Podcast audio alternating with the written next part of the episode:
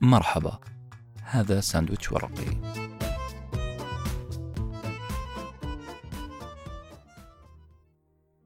اعتدنا في كل القصص أن يكون فيها أبطال وأشرار لكن قصتنا اليوم ما فيها هذا التقسيم الثنائي بل هي تتبع لحياة استديو صغير اسمه بيكسار. وخلونا نسميه الصبي بيكسار. من خلال تتبع حياة هذا الصبي سنمر على مجموعة أسماء شهيرة مثل ستيف جوبز مدراء شركة بيكسار الأمريكان الروس وفريق فيلم حرب النجوم وفيلم Toy Story. هؤلاء كلهم ساهموا في تحويل الصبي الصغير إلى عملاق. كتاب Creativity عيشنا جو روائي نوعا ما. استطاع مؤلفه إدوين كاتمل أن يتتبع قصة بلوغ واشتداد عود شركة بيكسار. قام بكتابة النص أنس بن حسين وقام بإلقائه أحمد كما قام بتنفيذ المونتاج الصوتي فريق نوتة ورقية.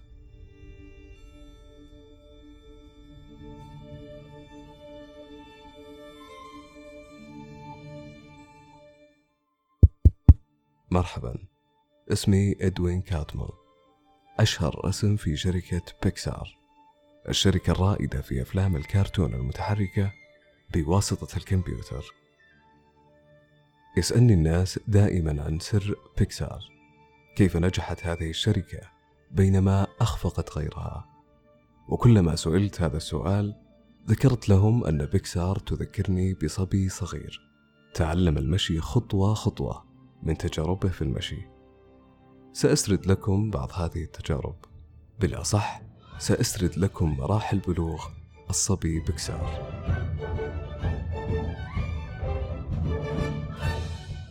المرحلة الأولى رفض الطاولة المستطيلة.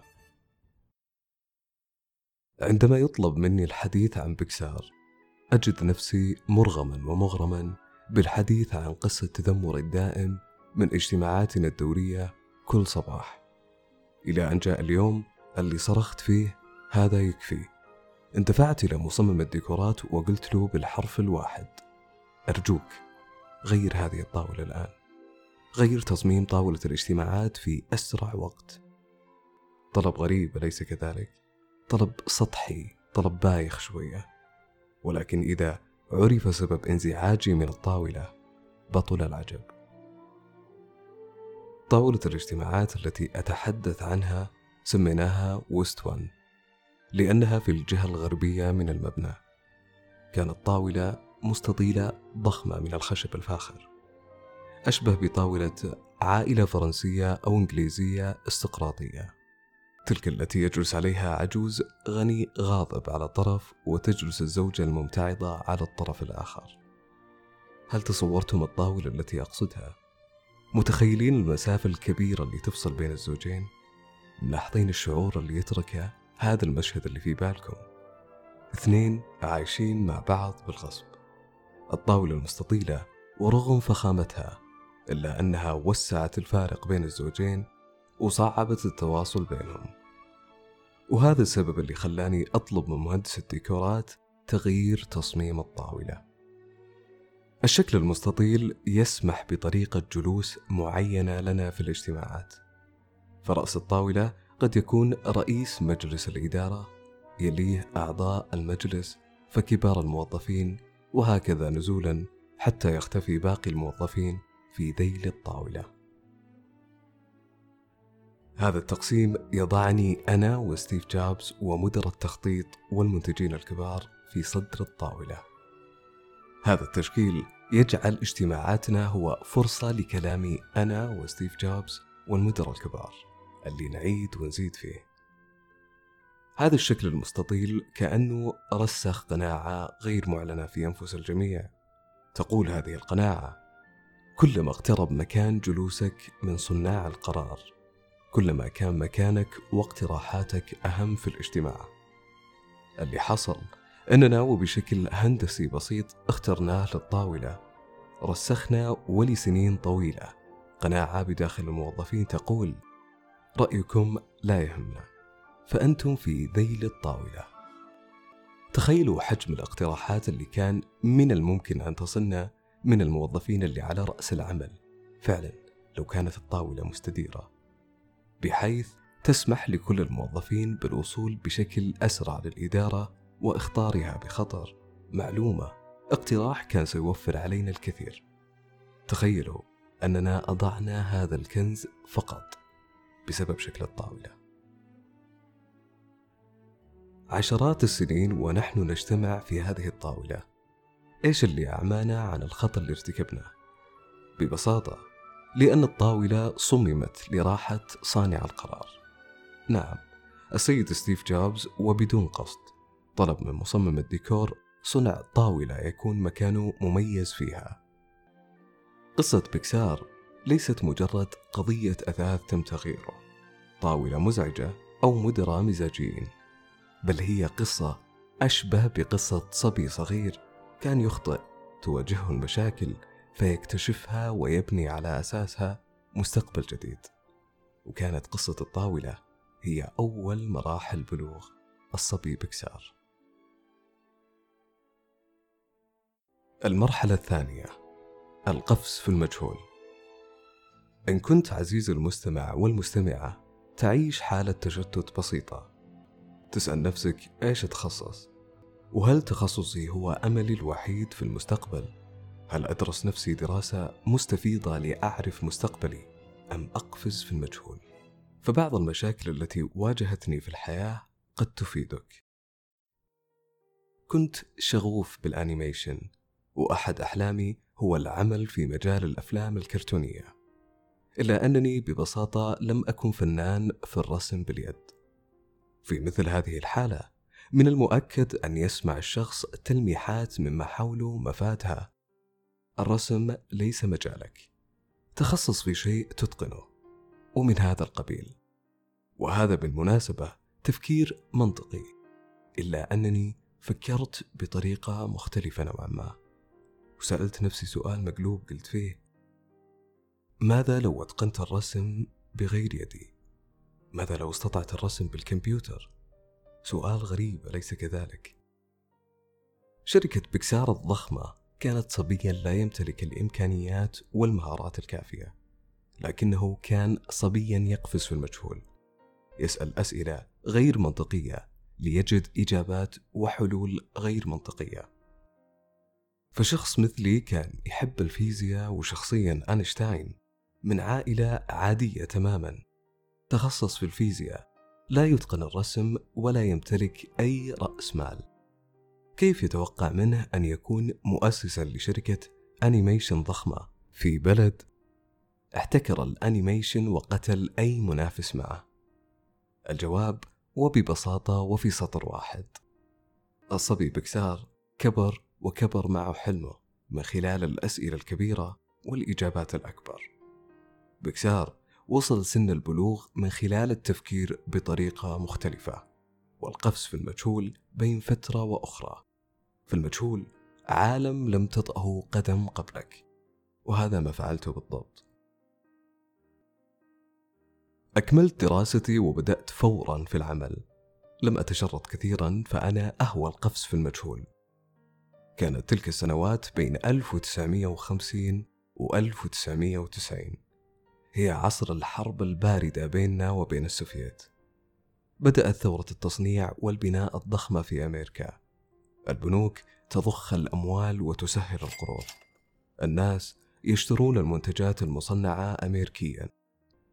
الغسيل الطبخ الأعمال المنزلية أصبحت أسهل ألف مرة. وبدأ الوقت يتسع للناس كي يشاهدوا الإعلام بالأصح أخذت الشاشة مساحة في حياة الناس. في نفس الوقت السوفييت نجحوا في الوصول للفضاء قبلنا وهذا الشيء أخافنا جدا. أسست الحكومة مركز لتشجيع التكنولوجيا وهذا الشيء قدمني أخيرا للتقنية.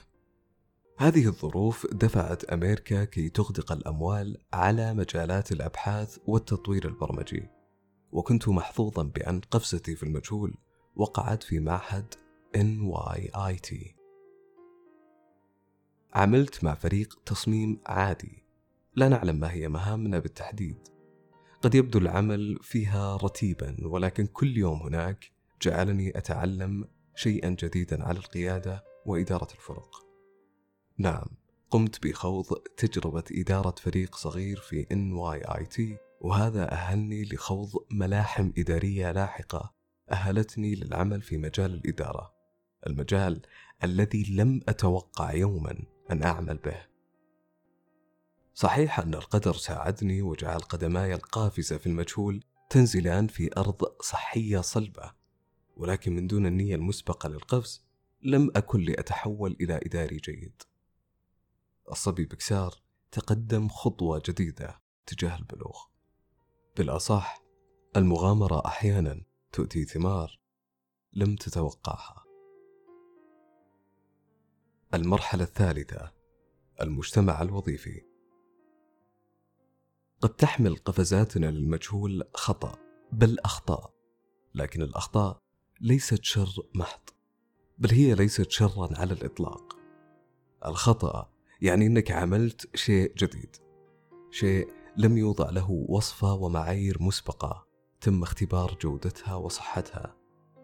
الأخطاء هي نديم الإبداع باختصار. هي دليل أنك قاعد تعمل شيء جديد. فلسفتنا في بكسار أن الأخطاء ضرورية. بدونها وبدون الرغبة في التعلم والتصحيح لن تقدم الجديد. لن تعد في فريق المبدعين. انتقلت للعمل في شركة لوكاس فيلم. فرصة ما جت صدفة أبدا لأن القفز في المجهول والعمل في معهد أبحاث واكتساب خبرة إدارية للفرق البرمجية كل هذه كانت قفزات لا أعلم ماذا كانت ستعود علي به الأكيد أنها أدخلتني لدهاليز الإنتاج وبداخل هذه الدهاليز وجدت مئات الأبواب الجديدة التي لم أكن لأعلم عنها لو لم أدخل عالم العمل. أحد هذه الأبواب كان يؤدي إلى فريق عمل أفلام ستار وور تخيلوا أن شركة لوكاس فيلم والتي أنتجت سلسلة الأفلام الشهيرة ستار وور طلبت الاستعانة بنا لتطوير تقنياتهم في المؤثرات البصرية. مو بس كذا. كذلك استعانوا بموهبة عملت في ديزني. كان هذا الشخص اسمه جون. رجل يتقن الحكاية والسرد ليصبح وخلال مدة بسيطة لوكاس مدير الشركة وكاتمل وجون هم أذرع الإبداع في شركة لوكاس فيلم. وهنا نقول أن العقول الجيدة تجذب بعضها.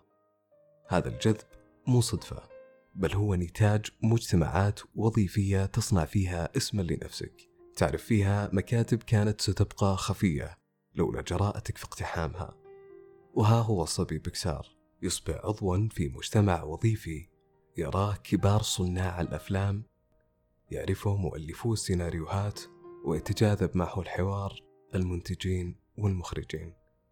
الصبي بكسار أوجد لنفسه مكان في مجتمع الإنتاج. خطوة أخرى نحو البلوغ. المرحلة الرابعة تجربة ستيف جوبز. في عام 1983 دخل ستيف جوبز على الخط. جوبز استقال من شركة أبل واشترى شركة لوكاس فيلم نعم ستيف جوبز اشترى شركة أفلام بكامل طاقمها. خطوة غريبة من ستيف جوبز المتخصص في ال hardware في شركة أبل. ما الذي كان يفكر فيه ستيف جوبز بالضبط؟ لا أبالغ لو قلت أنه لم يكن لديه تصور واضح عن ماذا ستنتجه الشركة. hardware أجهزة و software وبرامج تشغيل للأجهزة لا أعلم شخصيا ماذا كان يدور في رأسه ولا أعتقد أنه يمتلك إجابة هو أيضا. لا أبالغ بأنه كان طوال سنين يحرر شيك بخمسة مليون دولار ليقوم فريق عمله بمزيد من التطوير في مجال البرمجة والتصميم الكرتوني لكن فعلا جوبز لم يكن لديه تصور واضح أين سيكون تميز شركة لوكاس فيلم والتي تغير اسمها إلى اسم بيكسار أطلق ستيف جوبز في 1986 جهاز كمبيوتر شخصي اسمه The Pixar Image Computer. جهاز كمبيوتر يخدم المصممين والأبحاث العلمية الطبية كانت أو فيزيائية. جوبز ما كان صاحب الفكرة في الأساس حيث أن التخطيط مسبقا وقبل استحواذ جوبز على الشركة. كان تصميم كمبيوترات تساعد الشركة على تصميم لوحات رسومية رقمية عالية الجودة وحيث أن الأجهزة القديمة لا تخدم هذا الغرض. قررت الشركة تصميم أجهزة أقوى وأكثر تطورا. بمجرد أن اشترى جوبز الشركة قام بإطلاق هذا الجهاز. النسخة الأولى من الكمبيوتر نجحت في نتائجها العلمية لكنها فشلت كبزنس. المبيعات كانت أقل من المتوقع. لم يباع منه إلا مئة جهاز فقط. سقطت وأي سقطة يا جوبز. نوقف خلاص؟ لا عندنا plan B و C نعم تم تطوير نسخة ثانية أو ثالثة ورابعة من جهاز بكسار الحاسوبي. وفي كل نسخة كان يتم تطوير إما معالجاته أو أسعاره أو طريقة تسويقه. تبرع جوبز لثلاثة من أكبر المستشفيات بأجهزة بيكسار كنوع من تسويق المنتج. عمل مؤتمرات شرح ونظر وأقنع ولكن لا زال سعر المنتج غالي على السوق. الخطأ اللي وقعنا فيه هو أننا لم نحلل قفزتنا في المجهول. كنا نأمل أن نبدأ خط إنتاج لأجهزة كمبيوتر قوية إلا أن تكلفتها عالية. لقد تحدينا قانون مورز لا قانون مور اللي ابتكره جوردن مور أحد مؤسسي أنتل عام 1965 واللي يقول أن الترانزستورات في معالجات الكمبيوتر تزيد كل سنتين ولكن سعرها يبقى نفسه ما يزيد. إحنا للأسف أصرينا على تحدي دراسة واضحة وصريحة أمام أعيننا. لذلك كان يجب إما أن ننتبه لهذا القانون أو نتوقف عن إنتاج مزيد من الحاسوبات باهظة الثمن. الغريب والعجيب أن ستيف جوبز دخل الشركة ولم يكن في باله كيف راح تطير بأي شخصية يقدمها للناس مصنعة hardware ولا برمجة أنظمة تشغيل ولا تطوير رسومات ولا تصميم أفلام كرتون الشيء الرائع هو أن ستيف جوبز كان يعيد استكشاف الشركة وهو على رأس العمل ما توقف لحظة عن رسم هوية متميزة لهذه الشركة الناشئة وبالعكس تماما بدأ يشتري حصص أكبر في شركة بيكسار إلى أن استحوذ على النسبة الأكبر وبدأ يمارس طقوس المجنونة. في 1988 بدأت الشركة للتحول إلى الأنيميشن بشكل أدق تصميم أفلام قصيرة وإعلانات 3D شيء عجيب أفلامهم كانت قصيرة جميلة التصميم غريبة الفكرة لكنها بشعة التكلفة. كانت تحصد الجوائز الواحدة تلو الأخرى أوسكار جرامي وجالدن جلوب. جون وهو موظف ديزني السابق كان يسابق الريح في تصميم فيديوهات قصيرة. كان هدف هذه الفيديوهات هو استعراض عضلات إبهار وحصول على جائزة من هنا أو هناك تكنولوجيا جديدة ثلاثية أبعاد ومحتوى إبداعي. نتج عنه فيلم الدقيقتين. لوكسو الصغير أو لوكسو جينيور 1986 الفيلم عبارة عن أباجورتي مكتب يلعبان بطفولة وبراءة مع بعض. حصد هذا الفيلم جائزة أفضل فيلم قصير. بعدها بسنتين فيلم الخمس دقائق تين توي. أصبح أول فيلم كرتوني متحرك بالكمبيوتر ويحصل على الأوسكار. Tin Toy, John Lasseter, and William Reed. عمل إعلانات تجارية باستخدام تقنياتهم الهائلة بكسار أفضل ألف مرة من منافسيها. منافسها التالي مباشرة بينه وبينهم أميال من الجودة والجنان. لكن بينهم أيضا عشرة أضعاف السعر. بكسار موسهم حاد والسبب تكاليف إنتاجهم عالية. صحيح أنهم صنعوا إعلانات لشركات كبرى صحيح أنهم استخدموا تقنياتهم وبرامجهم في أفلام ترمينيتر 2 وجراسيك بارك لكن مو كل المخرجين مثل جيمس كاميرون وستيفن سبيليبرغ. ما كانوا حيصروا على تقنية بيكسار. جوبز قالها بصراحة. نعم فزنا بالأوسكار لكن لا نستطيع أن نأكل الأوسكار. الجوائز والأعترافات مهمة لكنها ما تأكل عيش لوحدها. لازم نكتشف كيف نقدر نكسب من هذه المهارات والإبداع اللي عندنا. شيء عجيب والله. ستيف جوبز على سن ورمح عايش حيرة. يحاول اكتشاف ذات الشركة هويتها. والشيء العجيب الثاني أنه مؤمن بأن الموهبة لا تكفي. لازم استثمار هذه الموهبة في business واضح وصريح. درس عجيب تعلمناه من تجربة ستيف جوبز لاحقا. كونك مطعم مزحوم لا يعني أنك تصنع ثروة. فمن الممكن أن تكلفة تصنيع الوجبة أعلى من تكلفة بيعها. مشكلة كبيرة في حياة الصبي بكسار شاب قفز في المجهول اكتشف موهبته ولكن لا زال يسأل الأسئلة الأهم. كيف أحول ما أملك إلى مصدر دخل؟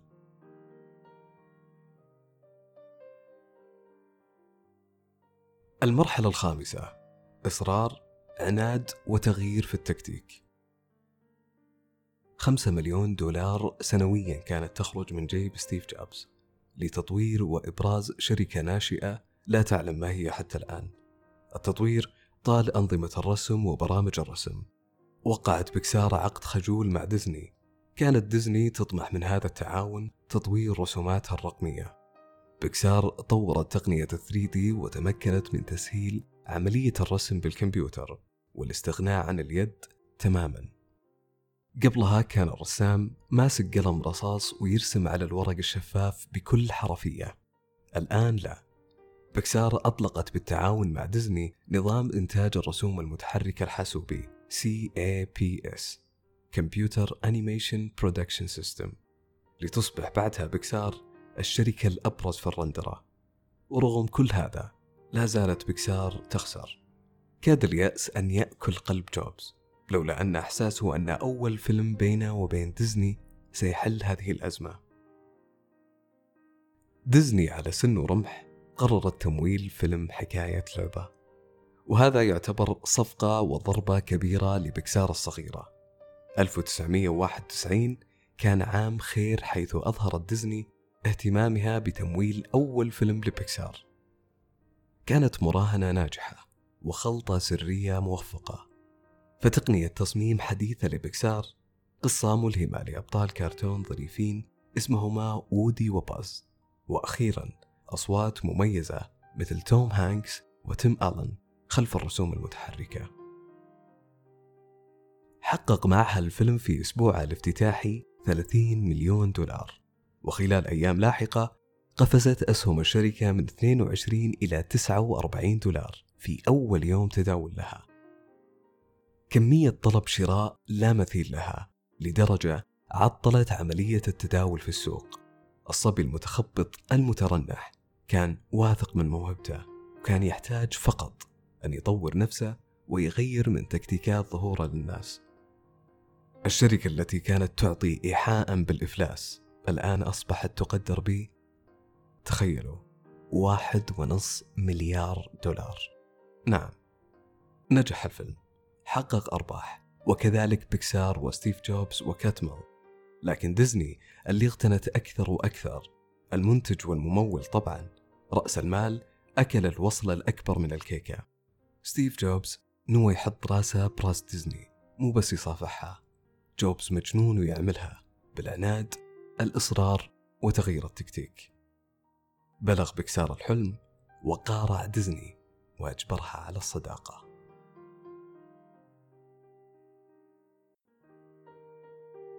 المرحلة السادسة حس المسؤولية تجربة اليابان وعملية كسر المركزية كانت أهم سمة اكتسبتها في حياتي القصيرة في اليابان. في تلك الأيام كانت البضاعة اليابانية سمعتها سيئة من ناحية الجودة، وتعامل معاملة البضاعة التايواني في معاييرنا الحالية. السؤال هنا: كيف تحولت اليابان وصنعت المعجزة في العشر سنوات من 1950 إلى 1960 كيف تحولت اليابان من كومة رماد تكدست بسبب كارثة هيروشيما إلى ثاني أكبر اقتصاد في العالم؟ السر في كلمتين التركيب اللامركزي في الإدارة. في أمريكا كان نمط الإدارة محكم في يد الطبقة العليا. القرار يصدر من الدور العلوي بعد التأكد منه ثم يمر بعدة طبقات إدارية مختلفة كلها تحاول ضمان جودة المنتج. القطعة المصنعة تمر على نقاط في خط الإنتاج. كل نقطة إما تمرر القطعة أو ترفضها. لا وقت لمناقشة الأمر. عند وجود أي خطأ استبعد القطعة. الوقت مهم لأن الوقت المهدر عند الأمريكان هو مال مهدر. أو كما قالها بنيامين فرانكلين الوقت هو المال. هذا التفكير وبهذه الطريقة جعل اليابان تتخطانا بمراحل. 1947 كانت اليابان قد صممت خط إداري جديد ومختلف. كل موظف وأكرر كل موظف هو عنصر أساسي في معادلة تحسين البضاعة المنتجة من أكبر مدير إلى أصغر عامل نظافة. أي فرد من الموظفين يلاحظ خطأ إداري أو إنتاجي فإن مطلوب منه أن يوقف خط الإنتاج نعم يوقف خط الإنتاج خط الإنتاج المقدس في أمريكا تشجيع الموظفين على إيقاف خط الإنتاج وإخطار الإدارة بالخطأ وبالحلول المناسبة لهذا الخطأ سهل جدا عملية الوصول لأي مشكلة تعاني منها البضاعة اليابانية. ارتفعت بالتالي جودة البضائع. الموظف العادي صار مسؤول عن جودة كل خط الإنتاج. كان مؤشر قوي يشير لمكان المشكلة ويبدأ بالتالي العمل على تحسين الأداء وتلافي الأخطاء. هذا ما يسمى بموديل تويوتا. صحيح أن نظامها الإداري هرمي ولكن روح العمل فيها يقول شيئا واحدا أي موظف هو مسؤول عن إيجاد المشاكل في العمل والشعار المعلن والغير معلن هو لا تحتاج اذنا أو تصريحا لتفعل ما يجب فعله. ملاحظين أن الموظف هو الشركة والشركة هي الموظف. هذا الدرس جعلني أقدر كل الاقتراحات التي تردنا من فريق العمل وبالطبع جعلني أرفض تلك الطاولة المستطيلة. وأعتقد أن ستيف جوبز ساعد كثيرا في خلق هذه البيئة التي تساعد الجميع على طرح مشاكل العمل واقتراح ما لديهم من حلول. قبل الحديث عن ما فعله جوبز في مبنى بيكسار. أحب أن أكشف لكم سر غريب عن شخصية ستيف جوبز وتواصله السيء مع الناس. كان معروف أنه صريح زيادة جريء وأحيانا نابي الألفاظ وهذا شيء جارح خاصة من شخص لا نعرف عنه إلا العبقرية والإبداع. لكن أعتقد بأن ستيف جوبز يستخدم عمدا طريقة أسميها تقنية الدلافين فالدلفين يطلق موجات صوتية معينة لاستكشاف حدود المكان ستيف جوبز كان يطلق موجاته الاستفزازية في المكان آملا في استكشاف من في المكان في اكتشاف شخص يمتلك فكرة ومصر على فكرته وسوف ينفذها ويصر على هذا النجاح. ستيف جوبز استفزازي لدفع الناس على الكلام، الاعتراض والنقاش. كان مبنى بيكسار قبل انضمام جوبز يضم ألف موظف في مكاتب cubicle منثورة في هذه المساحة. جوبز أصر على فكرته المجنونة بصنع atrium space المباني اللي عبارة عن بهو كبير في الهواء الطلق مغطاه بطبقة زجاجية تسمح بالشعور بأنك في المكتب وفي خارج المكتب في نفس الوقت. حول هذا البهو المغطى المكاتب. تم تصميم المبنى لجعل الناس يخرجون من مكاتبهم والالتقاء بالآخرين للتحدث معهم. الجماعة انتبهوا لفلسفة الثيرد بليس. المكان الثالث هو مكان غير الأول البيت والثاني المكتب. مكان اجتماعي يلتقي فيها الناس بوجوه جديدة و mood مختلف عن mood البيت والعمل يساعد هذا في خلق جو ديمقراطي ويشجع التواصل مع الآخرين والإحساس بالمكان عنصر أساسي في مكان العمل. كما قال كاتب The Great Good Place by Ray Oldenburg لأننا بشر مستحيل تكون مهامنا أو أدوارنا أننا آباء وموظفون. نحن بشر نحتاج للأخذ والعطاء الاجتماعي البسيط. هذه هي المساحات التي خلقها ستيف جوبز في شركته. مكان تسترخي فيه ترى وجوه تعرفها ووجوه جديدة تتعرف عليها. قد يعتقد بأنها مضيعة للمال والمساحة لكن لا. ستيف آمن بأنه عندما تتلاقى أعين البشر فإن شيء ما سيحدث شيء جديد إبداعي. الصبي بكسار مو بس صار يستشير مو بس يشجع الجميع على اتخاذ القرار بل تعلم قيادة الفرق وزرع المسؤولية في قلوب أعضاء الفريق.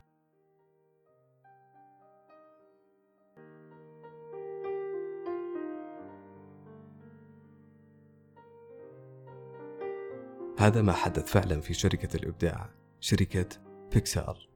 بدأت كفريق عمل صغير في معهد أبحاث ثم قسم تصميم في شركة أفلام ثم تخبطت كمراهق يبحث عن هويته ثم بلغت واستقوت ونافست عمالقة سبقوها. وأخيرا استطاع الصبي بكسار أن يبلغ أشده ويجبر ديزني على الاعتراف الكامل بأن الصبي بكسار صار عملاق لا يستهان به. في حفظ الله.